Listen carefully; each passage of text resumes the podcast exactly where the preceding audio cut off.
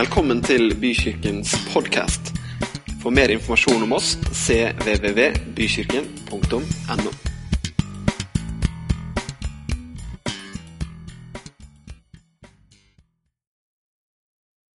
Skal vi ikke bare be sammen?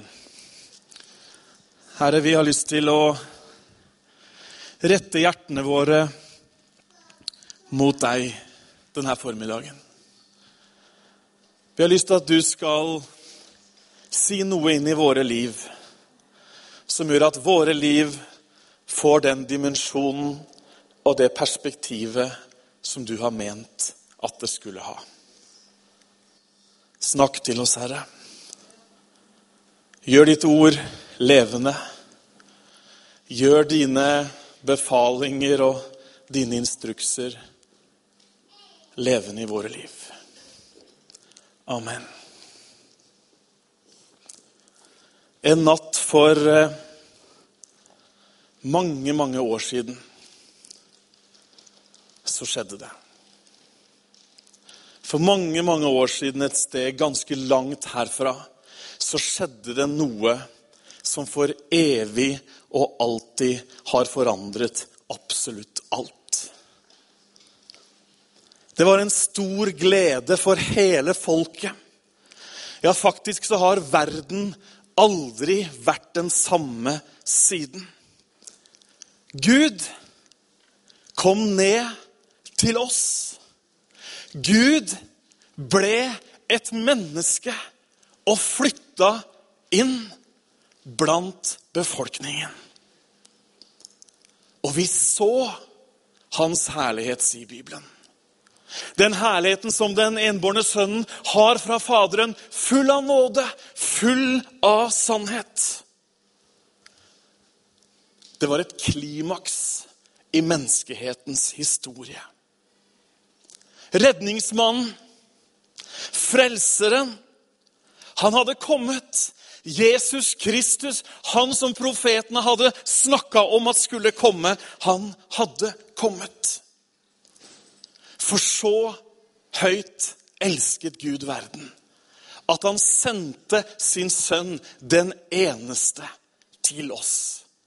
Ikke for å dømme verden, men for at verden skulle få evig liv ved å tro på ham. Hm. Jesus, han viste oss hvem Gud er, hvordan Gud er. Og Jesus og Gud, eller Jesus og Faderen om du vil, er nemlig ett. Vi kan på mange måter si at Guds hjerte for mennesker, for menneskeheten, fikk et levende bevis som gikk rundt på jorda. Vi så Guds kjærlighet demonstrert. Vi så det når Jesus møtte menneskene. For Jesus møtte virkelig menneskene. Jesus var ikke en overåndelig skikkelse som levde et liv langt borte. Nei, han var nær mennesker. Og Bibelen er heldigvis, og takk gode Gud for at vi har den. Den er nemlig full av historier om hvordan Gud møtte mennesker. Han møtte dem med nåde. De som de religiøse ønska å steine fordi de hadde gjort noe galt, de møtte han med nåde. De som hadde gjort ting som var galt, de møtte han med tilgivelse. De som var syke, de møtte han med guddommelig helbredelse. Og de som var sønderknuste i hjertet, de løfta han opp. Han møtte menneskene med fred, med håp og med frelse. De som de andre unngikk, de stoppa han hos. De oppsøkte han. For som han selv sa, det er ikke de friske som trenger en lege, men det er de syke. Fra bedreviterne, de religiøse, så møtte han motstand. Han møtte hån. Men alle de som tok imot ham, dem gav han rett til å bli Guds barn, de som trodde på hans navn. Historiene om Jesus, de rørte ved mennesker. Og jeg kan bare snakke for meg sjøl, men de rører meg den dag i dag. Og jeg håper at, og tror at de også rører deg. Gutten som satt der med en vissen hånd, som ble helbreda midt i det religiøse systemet på sabbaten. Kvinnen som hadde hatt blødninger i så mange år at hun hadde brukt opp alt hun hadde av penger for å forsøke å bli frisk. Så er Jesus i berøring med henne, så blir hun frisk. Offiseren som hadde en tjener hjemme som var syk, som hadde så stor tro på Jesus at han kunne bare si et ord, så ville tjeneren bli frisk. Jairus sin datter, Lasarus som døde. Historiene er mange. Jesus han helbreda mennesker, og han satte mennesker fri fra det som plaga dem. Og så er han ute og går, og så møter han noen som er opptatt med sitt. Og så sier han 'Følg meg', så vil jeg gjøre dere til menneskefiskere. Å være Jesu etterfølger, det gjør meg litt skjelven. Hvis du tenker på det, hvis du tar det innover deg En etterfølger av Jesus Kristus. En etterfølger av Gud, den levende Guds sønn. Og det å kunne stå her og dele ut, dele Hans ord i dag, det gjør meg ydmyk. Men det er han som har sagt at jeg skal gjøre det. Det er han som har sagt til deg og hver eneste en av oss Følg meg. La meg få bruke deg. Det er han som sa at han hadde kalt oss med et levende håp.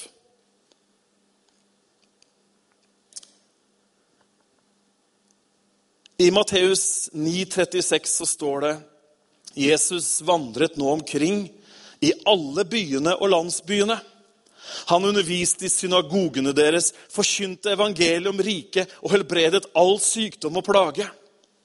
Og da han så folkemengdene, fikk han inderlig medfølelse med dem, for de var forkomne og hjelpeløse som sauer uten gjeter.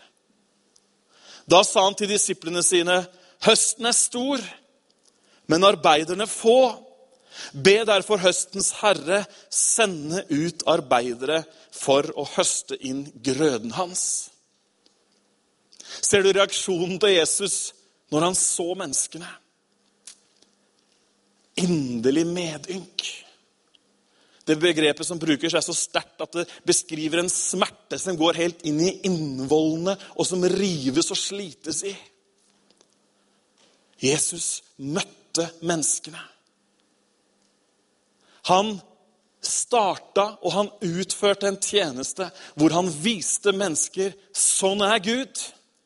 Hovedessensen i budskapet hans var himlenes rike er nær. Tro på meg, tro på Gud. Og det er der historien vår begynner. Det er der vårt liv begynner. Det er der oppgaven vår begynner. Ved Jesu egne ord om at 'jeg skal reise herifra'. Og så ga han vårt, så ga han oss et oppdrag som vi skulle være en del av. Bygge hans rike Gå ut i all verden, forkynne evangeliet, helbrede de syke, sette de som var plaga, i frihet. Det er oppgaven du og jeg har fått. Fantastisk! Det er jo så stort at man klarer jo nesten ikke å ta det inn over seg. Skal lille jeg være med på det? Ja, det skal lille deg og lille meg. Nå vil jo noen si at, at jeg sier lille meg ikke er noe helt korrekt gjengivelse av den fysiske sannhet. Men i forhold til Gud så er jeg veldig liten. Han ga oss oppdraget om å bygge hans rike.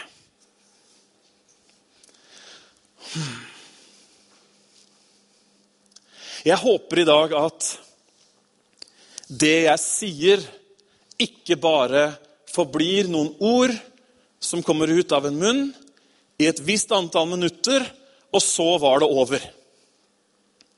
Ja, nå har du høye tanker om hvor lenge vi skal huske det du sier i dag. Altså, Jeg har høye tanker om det fordi at jeg tror at Guds ord er levende. Jeg tror at Gud vil noe med våre liv i dag. Tror du det? Han vil noe med våre liv i dag. Vi skal ikke bare være i en sånn ettereksistens av noe som har vært. Nei, Gud vil at vi i dag aktivt skal være med og bygge Hans rike. Se at det, Hans rike går framover. Og jeg har bedt til Gud virkelig, og bønnen min er gjennom alt det jeg sier i dag Måtte himmelen over ditt liv bli større fra denne dagen av. Måtte perspektivet ditt på deg sjøl, på din eksistens og på de menneskene som du lever nå samtidig med, måtte det bli mye større og mye kraftigere og mye mer målretta. For det er en stor himmel over livene våre, kjære folkens. Det er en stor Gud som har skapt deg og meg til storhet. Ikke fordi at vi er så fantastiske i våre egne prestasjoner, men fordi at han er stor. Han er stor. Han er stor, han er så mye større enn det vi klarer å fatte. Om vi skulle skrive bøker, så var det ikke nok papir. Det var ikke nok plass til det biblioteket. Guds storhet er uendelig, og hans makt er uten grenser. Amen. Og midt inni hans storhet så har han kalt deg, så har han kalt meg, og så kaller han oss medarbeidere. Halleluja. Du vet at Det er jo en grunn til at vi holder på med det vi gjør. Vi har jo ikke gudstjeneste i dag fordi at det generelt er hyggelig å måtte sånn halvveis tidlig ut på en våt eh, søndag formiddag i november. Det er jo andre ting man kunne gjort som kanskje hadde opplevd som mer komfortabelt. Selv om vi har stoler med stoff på, og noen har huska å skru på varmen, så finnes det jo andre ting å gjøre. Hallo? Et eller annet sted må det jo være de som ikke er her, så det finnes jo andre ting å gjøre. Altså Av alle de tusen menneskene som fins, ikke sant? Men hvorfor holder vi på? Hvorfor møtes lovsangerne til øvelse? Og hvorfor synger de for oss? Hvorfor møtes lederteamet for å be og planlegge? Hvorfor har vi life-grupper osv.? Hvorfor driver vi barnearbeid? Jo, det er jo for å nå de som er der ute. Det er jo for å fortsette det oppdraget som Jesus satte i gang. Er du med? Det ser veldig ut som du er med, så det er veldig bra.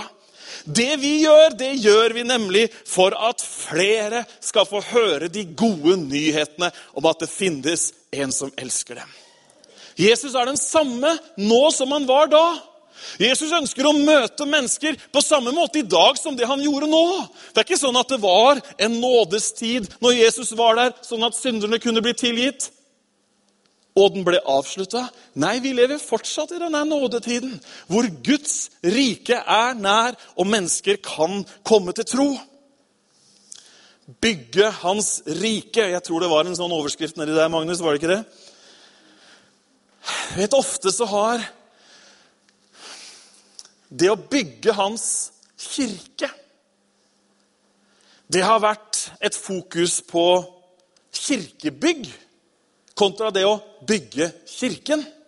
Og jeg skal komme litt tilbake til det seinere.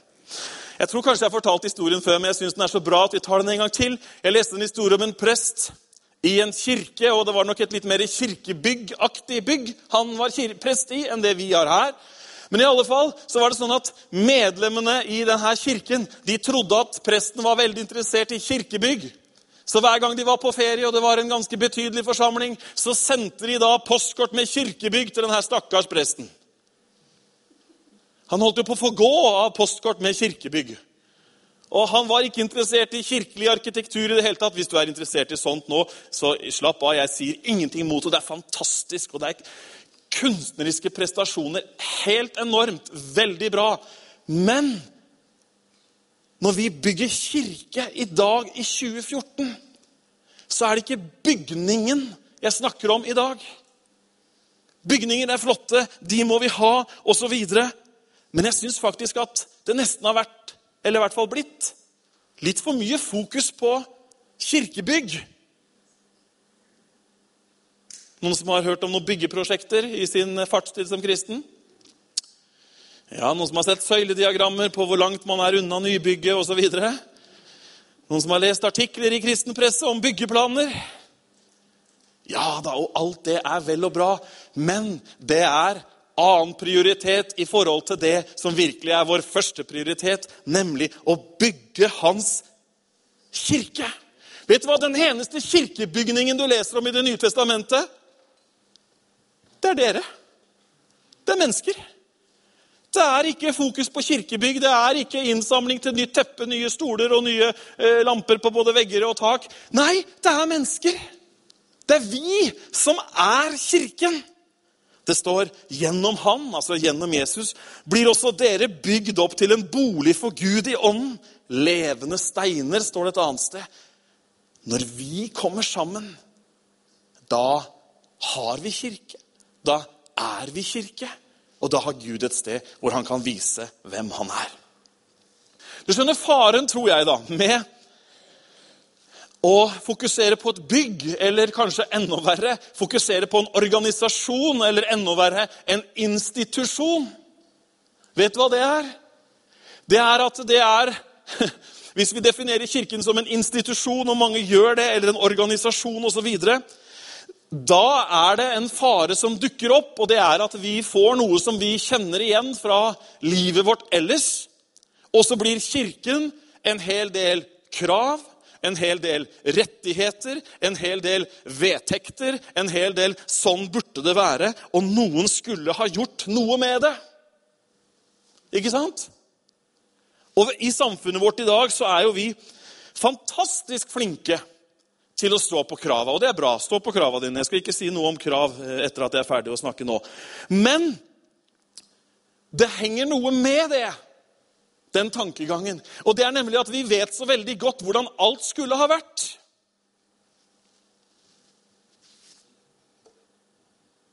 Skjønner du hvor jeg vil? Vi vet jo hvordan altså, Kjære min tid, kirken den burde jo vært sånn. Og så kommer vi med våre menneskelagde oppfatninger av hva en kirke burde være. Og så flytter vi ansvaret over til noen andre. Med andre ord så har vi glemt hvem som er kirken. Det er jo meg. Du vet, Det blir omtrent som om jeg skulle stille meg foran et stort speil, og så Han der Bent Ove Altså, Hvis jeg skulle si det, ikke du, men jeg skulle si altså, Han der Bent Ove han burde sannelig ha fått orden på de greiene der. Altså, Han burde jo ha gjort det, da. Og så burde han jo kanskje ha løst problemet litt annerledes osv. Og, så og så skjønner jeg ikke at det er meg sjøl jeg snakker om. Og Sånn kan vi bli også i vår omtale av Kirken. Vi snakker om Kirken som noen andre, og så er det egentlig oss sjøl vi snakker om. Sier ikke at noen gjør det her, men jeg har hørt om noen som gjorde det et annet sted. Det var, det var, det var en, eh, en pastor som en gang ble oppsøkt av et menighetsmedlem som hadde møtt et menneske med store behov. Og Etter et søndagsmøte så kommer denne mannen bort til pastoren. Og han er skikkelig frustrert. For han har prøvd å skaffe hjelp til dette mennesket, men det var ingen som kunne hjelpe. Og han sa denne mannen han trenger et sted å bo, han trenger mat, han trenger rett og slett hjelp til å finne en jobb, sånn at han kan komme seg på beina igjen. Og jeg er kjempefrustrert, sa mannen. Jeg har prøvd å ringe menighetskontoret. Det er ingen som vil møte meg, det er ingen som kan hjelpe meg. Og vet du hva som skjedde? Nå har denne mannen faktisk bodd hjemme hos meg en hel uke. Sier han til pastoren. Og han er skikkelig frustrert og oppgitt. Og så sier han, 'Syns ikke du, kjære pastor' Han sa vel ikke 'kjære pastor' engang, det var vel litt mer snert i stemmen, tenker jeg. 'Syns ikke du, pastor, at menigheten burde ta seg av slike?' Så tenker pastoren seg om, og så sier han syns i grunnen det ser ut som menigheten har gjort det. Tok du han?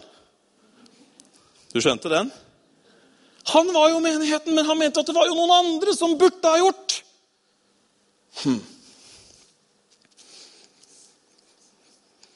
Jesus sier at det dere gjorde mot en av mine minste, det har dere gjort mot meg. Jesus sier også, selv om det er ganske ubehagelig, så sier han at det dere ikke gjorde mot en av dere, disse mine minste, har dere heller ikke gjort mot meg. Dere, jeg tror ikke vi får til å bygge hans kirke hvis vi peker på at noen andre burde ha gjort noe.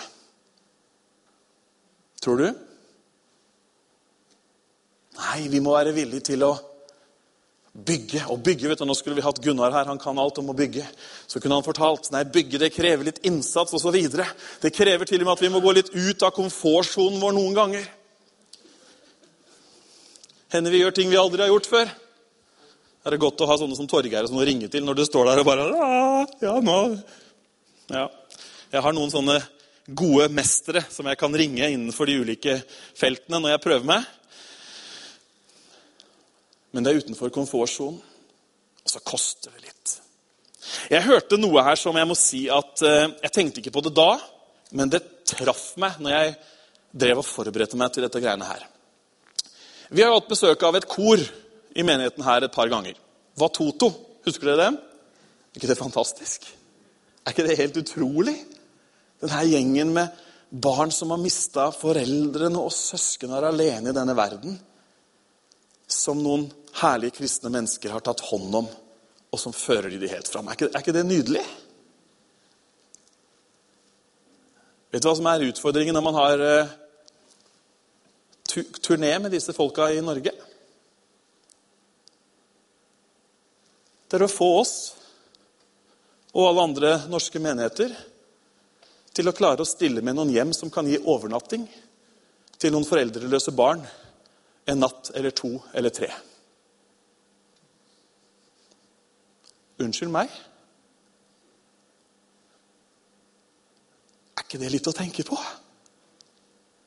Her har vi jo hus så vi kunne putta halve byen inn i.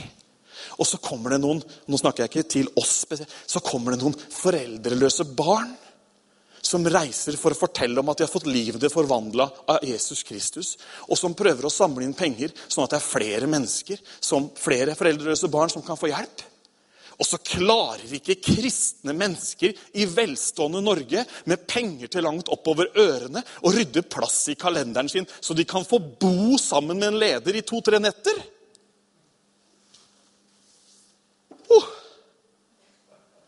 Bygge Guds rike, bygge Guds rike. Hva snakker vi om? Hva ber vi om? Hva gjør vi? Du vet, Det kan være fromme sanger og fine fraser, men en tro uten gjerninger er en død tro.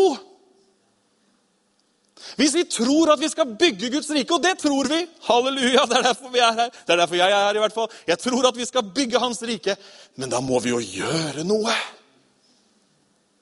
Og slapp av, Det ikke var Toto som har bedt meg om å si dette her i det hele tatt. Men vet du, den der slo meg så kraftig at jeg ble nesten uvel. Hæ? Ja da. Herre, send vekkelse. Bare ikke berør meg, mitt hus, min familie eller min lommebok.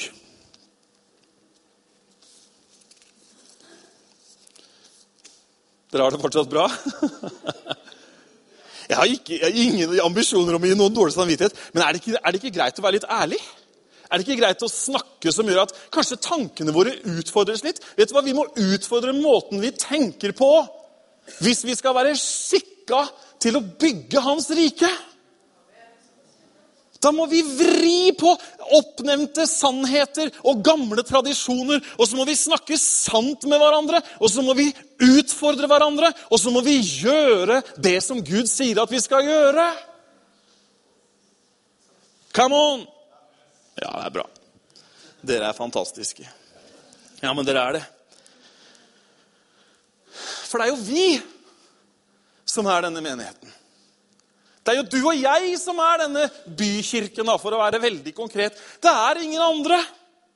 Og vet du hva, Jeg tror virkelig at Gud, fordi at han har sendt så mange flotte mennesker til denne samlingen av mennesker, at jeg tror at vi har det vi trenger i huset for å få skikkelig fart i å bygge hans kirke. Er du klar over hvor mange vi har på listen, eller? Det er nesten 300 medlemmer. Ja, hvor er de igjen nå? Ja, det vet ikke jeg. Men jeg vet at du og jeg, vi er her. Ja, men hvordan er det med den og den og den? Spiller ingen rolle i dette perspektivet. Men du og jeg, vi må høre fra Gud. Vi må ta utfordringene hans på alvor. Vi kan ikke komme til himmelen den dagen hvor vi skal avlegge regnskap for livene våre og si ja, men du skulle, han har aldri vært der, han. Ja, men du gjorde ikke noe med det, du gjorde ikke noe med det. Ja, men hva med de, da? Tjen du Gud. Lyd du Hans ord. Det er ditt ansvar nummer én. Noen ganger så tror vi at menighet, ja, det er pastoren, det. Hadde vi hatt en pastor, eller hvis vi hadde hatt en annen pastor, er det noen som sier også Da hadde det vært, da hadde det blitt sving på sakene. Det er en sånn viss syklus i visse kirke, kirkesamfunn som ikke vi skal si noe nærmere om hvem jeg tenker på. Men det er sånn spørsmål om ikke vi skulle hatt en annen pastor, kommer som regel etter noen år. Men det er ikke det som er, det er, ikke det som er kirken. Ja, hadde, hatt, hadde, det vært liksom litt fart i det der musikklivet Nå har jo vi det bra her, altså, men liksom, det, det, er ikke det som er menigheten. Ja, hadde vi hatt det, hadde vi hatt det Det er ikke Vet du, De kirkene som går sterkest fram i verden i dag, de har verken folk i lønna posisjoner eller fine bygninger. Men de vokser jo noe helt sykt. Ikke, ikke, ikke har en høy levestandard heller. Men de tar Gud på ordet. Så bygger de hans kirke. Hm. Du har fått det inn nå. Du er menigheten. Hvis menigheten har framgang, så har du framgang. Jeg må si at å være i Slagenhallen på fredag, det var en fantastisk opplevelse. Ja, det var fantastisk fordi at jeg så at det var veldig mange mennesker der. Og det var sikkert fantastisk hvis jeg hadde likt sånne ulike utkledningskostymer også. Mange fine unger. Men vet du hva jeg syns var mest fantastisk? Og uten å liksom prøve å glemme noen, men det var liksom å se Sønnøv, Gunnar, Karin, mamma og hvem, Kan ikke dere bare rekke opp hendene, alle dere som var der og hjalp til? Erik, Dan altså Gutta her altså Jeg så jo hele menigheten var liksom i sving. De, skjønt, de hadde skjønt noe. Skal dette skje, ja, da må vi stille opp. Og det var fredag ettermiddag, dere! Tenke seg til! Ukeslutt med festmiddag! Gullrekka, på NRK1! Hva heter det? Stjernekamp? Er det, nei, det er lørdag, det. Bit for bit! Og Nytt på Nytt! Og Skavlan! Kanskje du ble så trøtt at du hadde sovna under Skavlan? Ja, måtte det skje.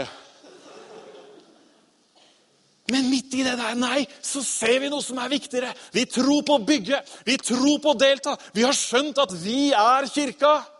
Og dere, da kan vi fylle Slagenhallen ganske mange ganger framover. Og andre ting. Har menigheten en oppgave, eller har den ikke en oppgave? Hva svarer du? Ja, den har nemlig det. Og da betyr det at du og jeg har en oppgave. Ja, men det er sånn og det er sånn og det er sånn. Vet du hva? Vi, vi tar ikke sorteringen av alle livets faser og alle situasjoner. Dette handler om en hjerteinnstilling. Det handler om at hvis du vil være med å bygge kirke, så får du det til. I større eller mindre grad. Hvis du vil, så får du det til. Å, Det er så gøy å se når det er sånne store arrangementer eller en eller annen stjerne eller et eller annet godt tilbud, for ikke å snakke om alle sånne ting som lokker, lokker oss til noe. Da går folk mann av huset, altså. Da får de seg fri fra jobben. Da slutter de å halte. Da, altså, da er det liksom Vi vil noe, da får vi det til! En gang vet du, så var jeg på sånn søndagsåpen på Ikea før jul. Og jeg var der bare fordi at jeg kjørte Julia dit. Hun jobba der. Og så tenkte jeg dette var litt artig, for at det sånn 20 minutter før det åpna, så sirkla det et par hundre mennesker utenfor inngangen. vet du. Og jeg tenkte, kjære mitt, ja, de lampene er billige, men er det så billig, liksom? Så tenkte jeg faktisk Og jeg tenkte at det er et godt tilbud, så kan det hende hvis den lampa er fin. For det var en lampe der som jeg tenkte på. Nei, men det er sant. Men jeg hadde ikke tenkt å kjøpe den lampa. Men jeg tenkte, dette må jeg se, tenkte jeg. Og så er det to innganger. Det er både hovedinngang og så er det sånn utgang, som egentlig ikke er en inngang, men som ble en inngang akkurat da. kan du si, For det var korteste veien til det torget der hvor disse lampene og andre ting sto. Så sto jeg der. Å, gode Gud. Rike, velfødde Nå sier jeg rike fordi vi bor i Norge. altså. Nordmenn. Vet du hva de gjorde? De hoppa over de der diskene på, ved kassaapparatene. De tok av sånne sperrekjettinger, og så løp de som gale for å få en lampe som hadde kosta 698 til 398 eller et eller annet sånt noe. Og noen sto til og med og sleit i samme sovesofa. Nei, jeg hadde den først. Altså Det nærmeste jeg kommer, er brødkøer i Russland, som jeg har sett på nyhetene, hvor folk går litt berserk, men da er du sulten. Poenget er bare hvis du vil, så får du det til. Fantastisk. De har tatt bort klokka på veggen. Det var et fint trekk. Nå aner jeg ikke hvor jeg er en tidsmessig. Hva sa du? Er den fem over halv? Fem over tolv? Det er jo 30 minutter til. Skal vi ta det? Du skjønner, Jeg har et skriftsted som, eh, som vi må ta med når vi snakker om menighet. og Det står i Matteus 16, 18, og du får det på veggen.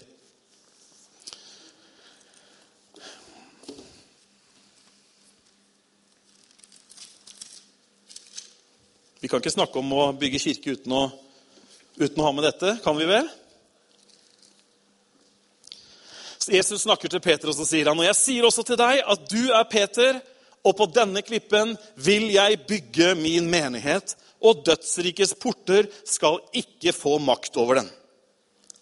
Og jeg vil gi deg nøklene til himlenes rike. Alt det du binder på jorden, skal være bundet i himmelen, og alt det du løser på jorden, skal være løst i himmelen. Har du noen gang lest versa før? Det har du sikkert. Fra vers eh, Ja, Vi kan ta fra vers 13. Da Jesus kom til området ved Cesarea Filippi, spurte han disiplene sine og sa, 'Hvem sier menneskene at jeg er?' At jeg, menneskesønnen, er? Da sa de, 'Noen sier døperen Johannes.' Noen Elia, andre Jeremia eller en av profetene. Han sa til dem, 'Hvem sier så dere at jeg er?'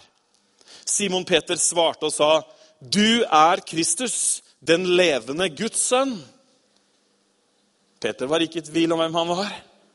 Da svarte Jesus og sa til ham, 'Salig er du, Simon bar Jona, for kjøtt og blod har ikke åpenbart dette for deg.'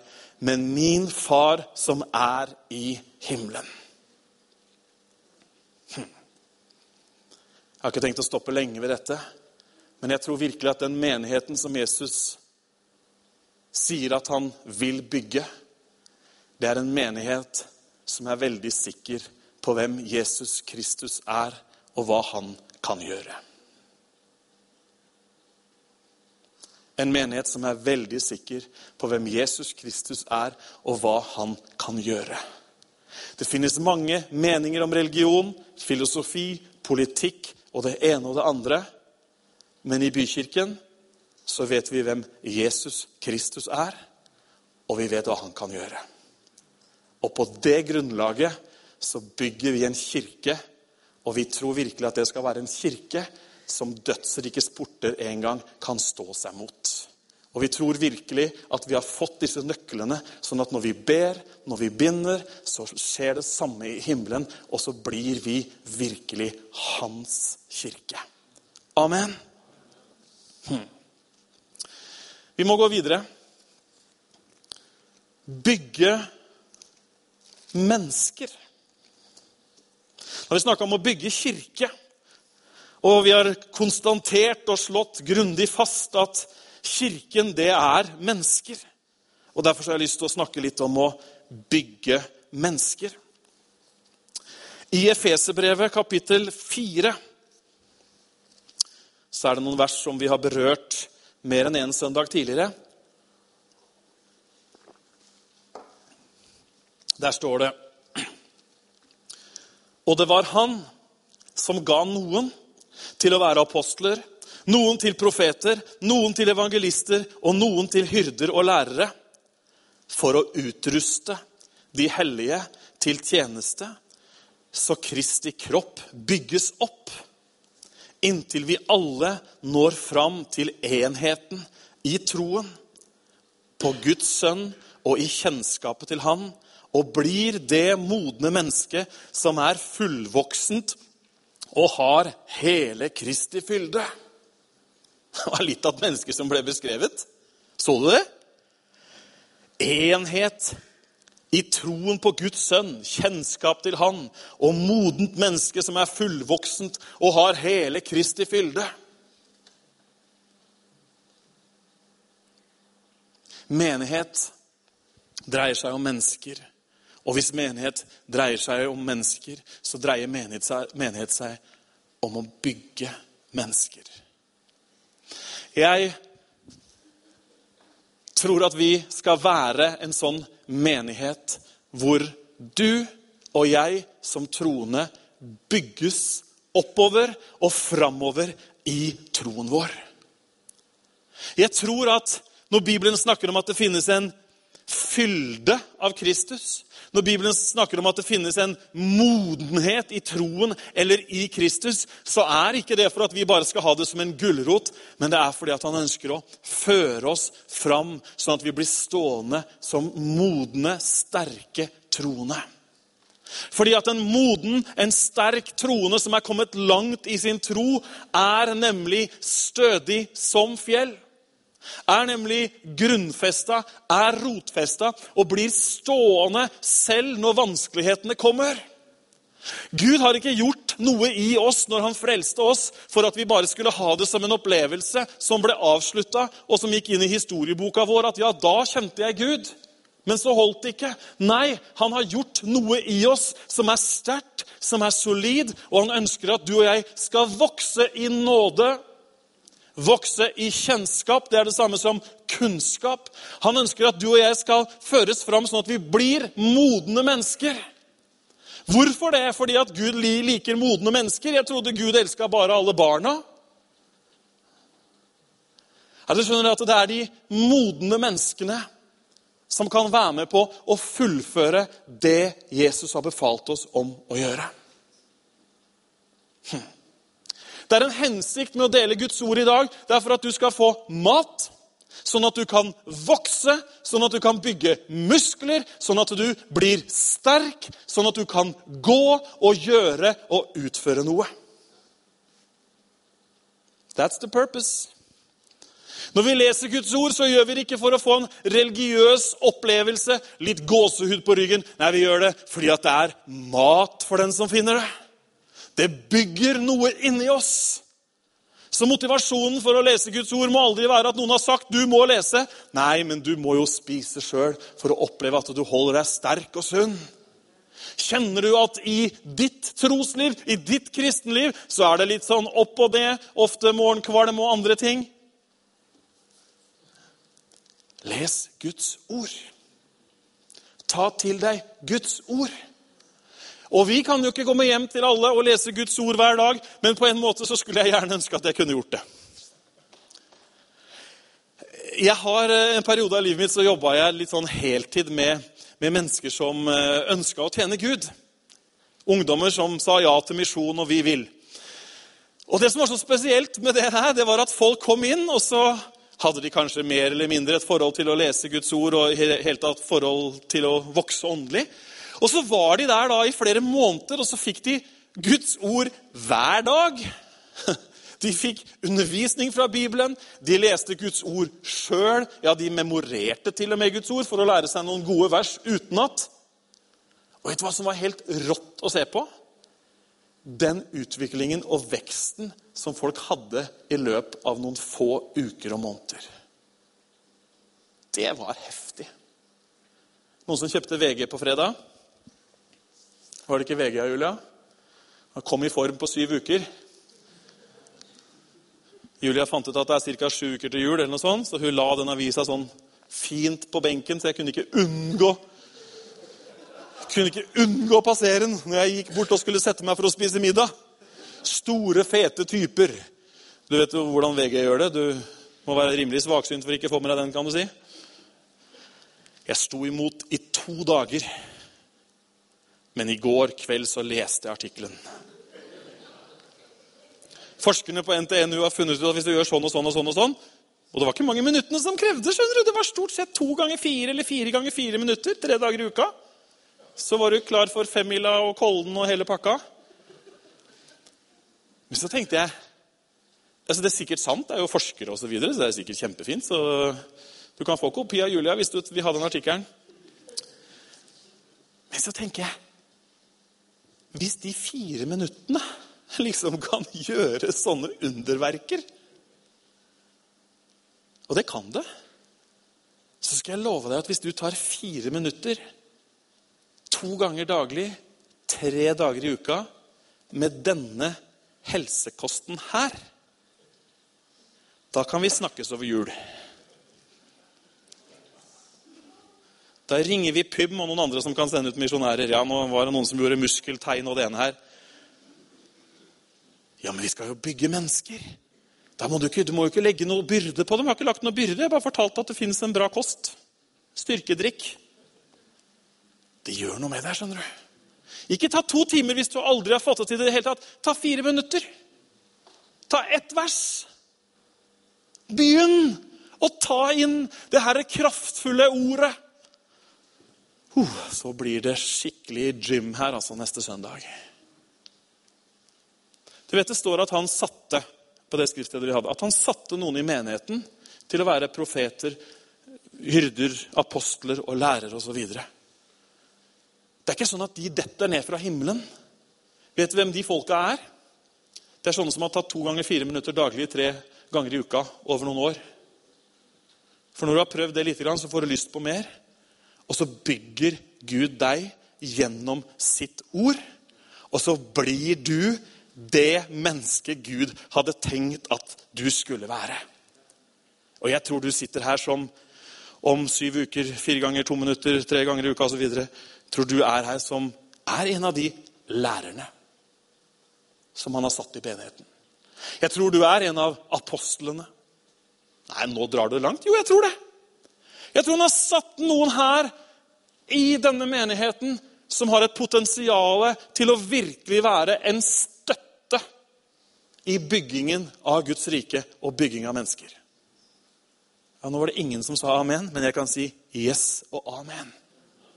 Det handler om å bygge mennesker. Og da må jeg si noe som kan bygge deg, og nå har jeg gitt deg de beste byggesteinene du noen gang kan få. Det er fint med den andre opplegget fra VG òg, så jeg skal kanskje prøve det til og med, men det skal jeg holde dere oppdatert om hvis det Hvis du forveksler meg med den stolpen der i januar, så vet du at VG hadde rett.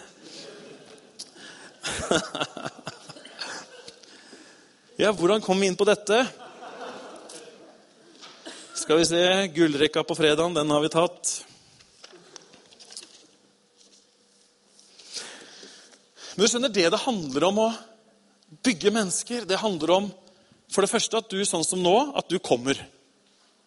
Det er jo første eh, forutsetning for å det hele tatt høre en preken. Det er jo å være der. Og Så kan du høre den på podkast, de andre prekenene, og når ikke du kan en sjelden søndag.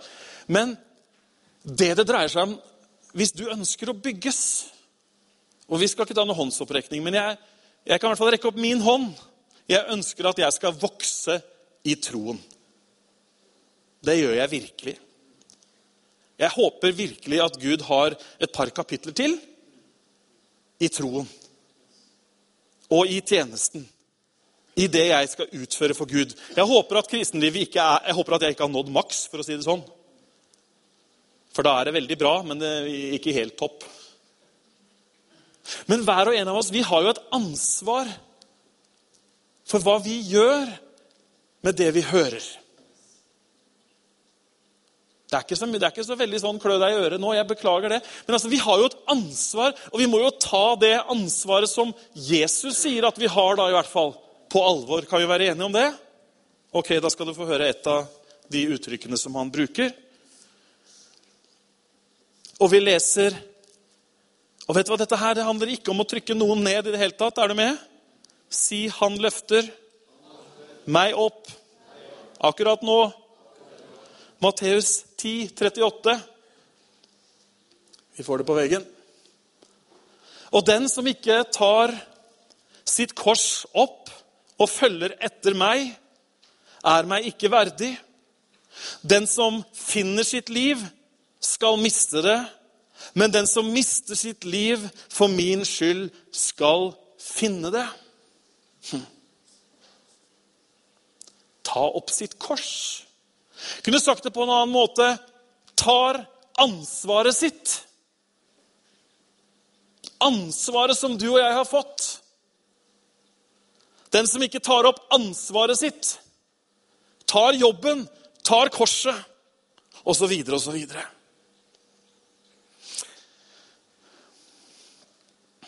Jesus han eh, vil deg det aller beste. Tror du det? Jesus han er full av kjærlighet. Tror du det? Gud elsker oss, dere. Vi er barna hans. Han vil oss det beste. Derfor så snakker han også sant med oss. Derfor så må vi ikke være selektive når vi leser Bibelen og bare ta de tingene som er happy-clappy, og som kan få oss til å føle det godt en halvtime eller to. Vi må også ta de sannhetene som Jesus sier til oss om livet vårt. Og når Jesus sier, snakker om å miste livet sitt for så å finne det, så snakker han om at livet ditt kan få en mening som er så utrolig mye større enn den menneskelige meningen materialisme kan gi. Var ikke det ganske bra sagt? Det er snakk om å få en mening, det er snakk om å få et perspektiv på livet som er annerledes. Man mister noe, ja. Man gir avkall på noe, ja. Men så får man noe annet igjen.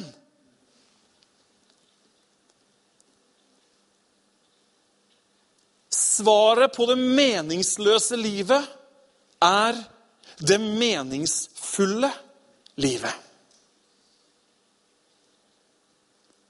Og det å legge ned sitt liv for å finne livet igjen hos Jesus, det er å legge bort det meningsløse jaget etter ting som ikke varer, for så å flytte over i det landet som heter meningsfullt liv.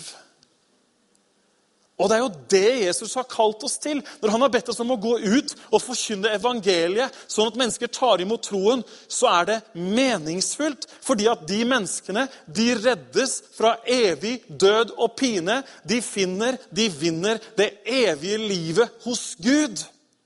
Og opplever å leve mye mer enn det som kan uttrykkes på en eller annen levekårsundersøkelse, som vi pleier å gjøre det ganske bra på. Svaret på tomhet, stress og jag, det er Guds hensikter, hans fred som overgår all forstand, hans glede og hans rettferdighet. Er ikke det en herlig motpol? ikke noe tomhet, ikke noe stress, ikke noe jag, men en hensikt med livet. Og Gud inviterer deg og meg inn til å la hans hensikt bli det som styrer livet vårt. Og Dette er ikke en tale for å snakke deg ut av det du er i nå, fordi at jeg har liksom hørt om et eller annet som er bedre. Jeg sier at det finnes noe som er bedre enn menneskelig, materielt jag og stress og kav. Og det som er bedre, det er Guds hensikt. Det er Guds liv. Det er Guds rike i deg. Derfor kan du møte en fattig munk et eller annet sted nede i Midtøsten. som aldri har eid så mye som et par sko. Men i øynene så finnes det en dybde, en glede, en glans, en tilfredshet som ingen materialisme kan matche. Og Dette var ikke et forsøk på å få oss alle til å bli munker. Dette var et forsøk på å tydeliggjøre hva det er snakk om når vi sier at vi vil bygge mennesker. Da må vi snakke sant. Da må vi dele ut Guds ord på en god måte. Gud vil at du og jeg skal få være med på det her livet, dette eventyret. Ikke Asbjørnsen og Moe-eventyr, men sånn adventure-eventyr. Gud ønsker at du og jeg skal få leve i det overnaturlige og oppleve hvordan vi står midt i en tjeneste for Han. Å forlike mennesker med Gud, koble mennesker med Gud, hjelpe mennesker opp, hjelpe mennesker fram. Ikke fordi vi har så god utdannelse i terapi, men fordi at evangeliets kraft er stor. Jeg skammer meg ikke over evangeliet, sier Paulus, for det er en Guds kraft til frelse. Det er perspektiv å få lov til å leve i og dele ut dette her. Bygge Guds rike, bygge Hans kirke, bygge mennesker. I Kolosserne 1,28 så står det om at mot dette arbeider vi for å fremstille hvert menneske fullkomment i Kristus. Og Det er det vi kommer til å preke også her. vet du. Det er Guds ord, sånn at det når inn i hjertet ditt, sånn at du ser alt hva Han har gitt deg, alt hva Han har skapt deg til, og at du kan begynne å leve ut det livet. Det er veldig bra. Kan jeg få en sånn eh, timing her igjen? Er den fem over halv? Fem på halv. Det er ikke dette vi er så nøye på den tiden, men det, er, det har hendt før, nemlig at folk etterpå har fortalt meg hvor lenge jeg har prekt. Hvorpå jeg har rødmet av skam og funnet et hjørne før jeg fant bilen. Hender tiden står litt stille vet du, når man holder på med bra greier. Har du opplevd det når du leser krim? Plutselig er klokka halv to om natta. Nei, du har ikke opplevd det, nei. nei. Leser ikke krim, du? Nei da. Ikke jeg heller. Men Donald Duck er ganske spennende.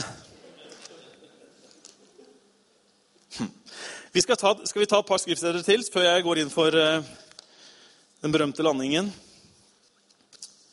Henger du med så langt, eller? Ja, bra. Dette med å bygge kirke, dette med å bygge mennesker, det involverer definitivt Gud.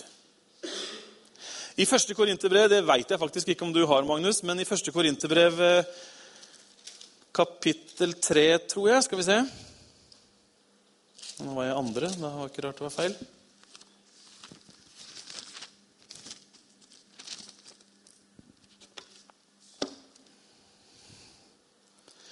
I 1. Korinter 3,6 så står det det er Paulus som skriver da, Jeg plantet, Apollos vannet, men Gud ga vekst. Så står det videre så er, den, så er da den som planter, ingenting. Heller ikke den som vanner, men Gud som gir vekst. Hm. Den som planter og den som vanner, er ett, og hver av dem skal få sin egen lønn etter sitt eget strev. For vi er Guds medarbeidere. Hør på det her. Dere er Guds medarbeidere. Dere er Guds åker. Dere er Guds bygning. Det er Gud som skaper veksten som skjer i den enkelte troende. Men du og jeg har en oppgave. Det er å plante og vanne. I dag så håper jeg og tror at jeg har planta en og annen tanke inn i deg. Om den er i hodet nå eller om den er i hjertet, det er ikke så interessant. Den kommer nok ned i hjertet etter en stund. Men nå trenger jeg hjelp til å vanne. Så Det var veldig fristende nå, men da er det det eneste dere hadde huska av den prekenen her. Jeg trenger hjelp til å vanne. Og første vanningsmulighet, det er i dag rett etter gudstjenesten i kafeen. Da kan du vanne Guds ord. Ved å snakke om noe av det vi har snakka om her, ved å dele dine tanker med noen andre Ikke motargumenter nødvendigvis, men ved å ta dette opp og fram, så vanner du det. Neste mulighet du får, er på mandag, når du snakker med kona di eller mannen din eller en annen i kirken som har hørt dette, som du treffer. Da vanner du det som er sagt. På mandag kveld så får du mulighet nummer tre. blir det. Da kan du be at Guds ord skal ha framgang i hver eneste trone i bykirken. Vi tar en sånn bønn nå. Skal vi gjøre det? Skal Vi ta en sånn sam... Vi ber, vi ber sammen nå. Der hvor du sitter. Bare be dette ene. Jeg ber om framgang for ditt ord for hver eneste trone i bykirken. Kan du gjøre nå.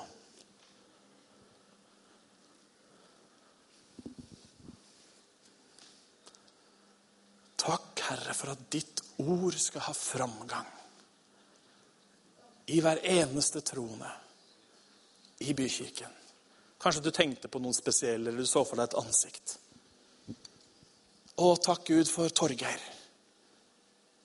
Takk for det ordet du har gitt han. Takk for den mann du har skapt han til. Å Gud, jeg ber om at dine planer, ditt ord, skal ha framgang i hans liv. Bruk han, Herre. Jeg plantet, du vannet. Gud gir vekst. Så er ikke jeg noe, eller du noe, men Gud som gir vekst. Men han trengte meg til å plante. Han trenger deg til å vanne. Og så kommer onsdagen. Da har damene life-grupper. Da er det storvanning. Da er vanningsforbudet opphevet, og det er fullt øs. Vi vanner det som er sådd. Bra? Veldig bra. Veldig bra. Men dere Det skjer jo da med oss mennesker, i hvert fall med meg og Fredrik og Jan Erik, hender jo vi blir trette, slitne. Det skjer med meg i hvert fall. Skjer det med dere òg? Ah, Bob, Bob, Bob, Bob. Tønsbergs sprekeste bestefar. Han var ikke helt med på den der. Men i alle fall da, så er Bibelen så ærlig, da, selv om ikke alle andre er det, at den sier at det hender at vi kan bli trette. Og da sier Bibelen, og du skal få det på veggen La oss ikke bli trette mens vi gjør det gode. For når tiden er inne, skal vi høste, bare vi ikke gir opp. Så la oss gjøre godt mot alle så lenge det er tid og mest mot dem som er vår familie i troen. Er det flott? Så skal du få noen vers til bare fordi jeg har tatt det med her, og jeg syns det er så bra. Det er fra Jesaja 40, og vi avslutter med det før vi ber sammen. Så her, vet du, her kommer eh, livet tilbake. Hør på dette. Vet du ikke? Har du ikke hørt? Herren er den evige Gud som skapte jordens ender. Han blir ikke trett og ikke sliten. Ingen kan utforske hans forstand. Han gir den trette kraft, og den som ikke har krefter, gir han stor styrke. Gutter blir trette og slitne. Unge menn snubler og faller. Men de som venter på Herren, får ny kraft. De løfter vingene som ørnen. De løper og blir ikke slitne. De går og blir ikke trette. Han som gir deg og meg kraft til å bygge hans rike, til å bygge hans kirke og til å bygge mennesker, han er en som ikke blir trett. Han vil jeg ha styrke fra. Kjære dere, la oss være bygningsarbeidere. La oss oppbygge hverandre. La oss hjelpe hverandre. La oss se hverandre. Hvert eneste menneske, høy eller lav, sjenert eller utadvendt, trenger å bli møtt, trenger å bli sett med dine øyne, som er fulle av Guds kjærlighet, som tror på mennesker, som respekterer, som bekrefter, og som taler vel om mennesker. Herren har øst ut sin kjærlighet i våre hjerter. La oss reise oss.